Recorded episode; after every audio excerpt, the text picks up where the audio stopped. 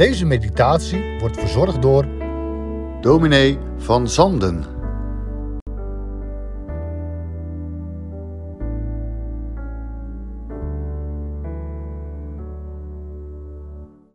In de maand die voor ons ligt, doorwandelen we in het dagelijks woord, stapje voor stapje, vers voor vers, de Filippenzenbrief van Paulus. Vandaag maken we daarmee een begin en lezen we van Filippenzen 1, de eerste vijf versen. Daar staat het volgende. Paulus en Timotheus, dienstknechten van Jezus Christus, aan al de heiligen in Christus Jezus die in Filippi zijn, met de opzieners en diakenen, genade zij u en vrede van God onze Vader en van de Heer Jezus Christus. Ik dank mijn God, telkens wanneer ik aan u denk. In elk gebed van mij voor u allen bid ik altijd met blijdschap, vanwege uw gemeenschap aan het evangelie, van de eerste dag af tot nu toe. Kom over en help ons. Zo had Paulus in een nachtelijk visioen te horen gekregen uit de mond van een man die hem vanaf een verre kust stond toe te roepen. Aan zijn kleding en tongval had Paulus gezien dat het een man uit Macedonië was, een landstreek enkele honderden kilometers verderop. Na dat visioen hoeft Paulus er werkelijk geen seconde meer over na te denken wat de volgende halte zou worden op zijn tweede zendingsreis. Bij het krieken van de dageraad hijsen ze de zeilen en zetten voor het eerst koers in de richting van het Europese continent, om ook daar de zeer blijde boodschap van het evangelie te gaan prediken. De reis gaat voorspoedig en enkele dagen later kunnen Paulus en de zijnen de trossen om de bolders werpen in Filippi, in die dagen een van de belangrijkste havensteden aan de Egeïsche Zee. Het was Paulus' gewoonte om het evangelie eerst te prediken in de synagoge, maar een synagoge was er niet, en dus begon Paulus een praatje te maken met de havenarbeiders, de kooplui op de markt, de jongelui op de hoeken van de straat maar de meeste weerklank vond hij bij de vrouwen van de stad. Binnen een paar maanden was er een christelijke gemeente ontstaan waarin juist zij de drijvende kracht waren. En ik kan me vergissen, lieve luisteraars, maar al vullen de mannenbroeders onze kerkenraadsbanken omdat Gods woord het ons voorschrijft, volgens mij is het ook in de meeste christelijke gemeenten van vandaag zo, dat juist de vrouwen toch eigenlijk de drijvende kracht uitmaken. Goed. Hoewel we het doopregister van de gemeente van Filippi natuurlijk niet meer kunnen opvragen, weten we vanuit het boek Handelingen dat de gemeente van Filippi een wonderlijk gezelschap is geweest. Met mensen uit allerlei rangen en standen, van allerlei kleur en afkomst. Drie beleidende leden kennen we. Daar is Lydia, de purperverkoopster. We zouden zeggen een zakenvrouw. De Heere opende haar hart, ze kwam tot geloof en ze werd gedoopt. Daar is een dienstmeisje dat bezeten was door een waarzeggende geest en Paulus beveelt de geest het meisje te verlaten en zo wordt ze vrijgemaakt van de banden van de dood. De ouders van het meisje zien hun inkomstenbron opdrogen en laten Paulus in de gevangenis werpen, maar ook dat kan de verdere verbreiding van Gods koninkrijk niet in de weg staan. Zelfs in het donker van de nachtelijke gevangenis grijpt de Heer nog iemand in het hart, de stokbewaarder. En de volgende dag wordt ook hij samen met zijn hele huishouden ingeschreven bij de christelijke gemeente van Filippi. U hoort het, Lydia, een dienstmeisje, een stokbewaarder, heel verschillende mensen, maar in de kern is er in hun leven precies hetzelfde gebeurd. Het zijn zondaren, ze worden tot God bekeerd en ze worden behouden door het bloed van Jezus Christus, Gods Zoon, dat reinigt van alle zonden. Dat alles is nu een jaar of tien geleden en nu besluit Paulus deze gemeente een brief te schrijven waarin hij ze bemoedigt, vermaant, waarschuwt en opwekt tot dankbaarheid. En de grondtoon van de hele brief? Blijdschap. Diepe, kalme, vreugdevolle, doorleefde blijdschap. Is dat zo opmerkelijk dan? Eh, ja, want Paulus zit in de gevangenis. De boeien knellen hem letterlijk om de polsen. En toch neemt hij de moeite om pen en papier ter hand te nemen en vanuit die donkere kerker een prachtige, lichte brief te schrijven aan zijn verre vrienden in Filippi. Die man die heeft daar met een glimlach op zijn lippen in het donker gezeten. Hoe kan dat? Uh, dat komt omdat hij niet alleen geboeid is door de boeien om zijn polsen. Er zijn nog twee andere banden waarmee hij gebonden is. Een dienstverband, waarmee hij verbonden is aan zijn heren, en een liefdesband, waarmee hij verbonden is aan zijn geloofsgenoten. Over beide banden lezen we iets in vers 1. Ik ga u daar kort iets over vertellen en u dan ook tweemaal een persoonlijke vraag stellen. Eerst dat dienstverband. Paulus en Timotheus staat er dienstknechten van Jezus Christus.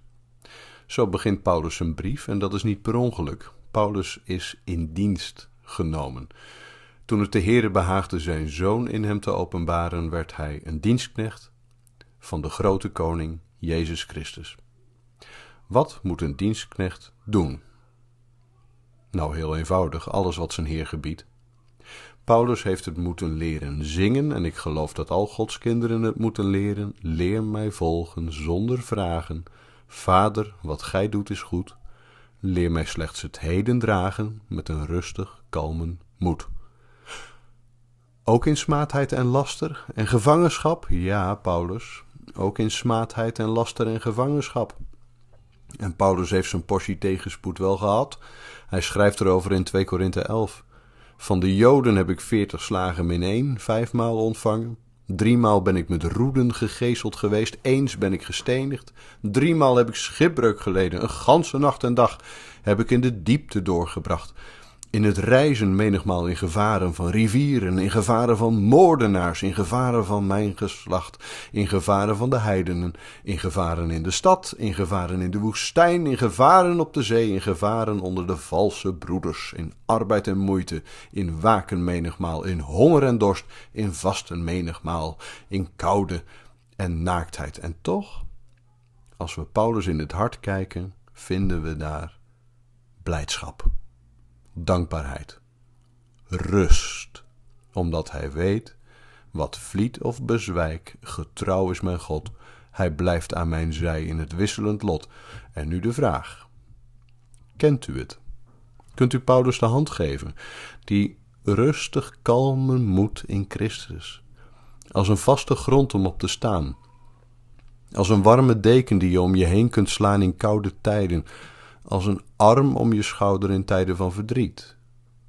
Paulus kende het en daarom kon hij ook volgen zonder vragen. Het kostte hem alles, maar hij kreeg er meer voor terug. Mag het u ook wat kosten?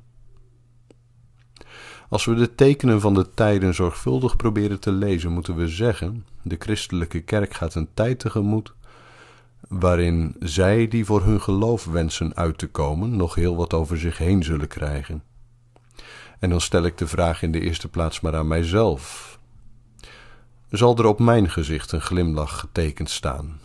Als ook ik een tijdje in de gevangenis moet doorbrengen omdat ik eerlijk en duidelijk ben blijven preken. Ook toen mij een spreekverbod werd opgelegd over bepaalde ethische vraagstukken of omdat ik Christus niet meer mocht uittekenen als de enige weg, de enige waarheid, het enige leven? Of kan ik straks nog gaan en staan waar ik wil, omdat ik niet trouw ben gebleven? maar een beetje water bij de wijn heb gedaan om de lieve vrede te bewaren en maar niemand tegen de haren in te strijken. De waarheid. Wat mag het mij kosten?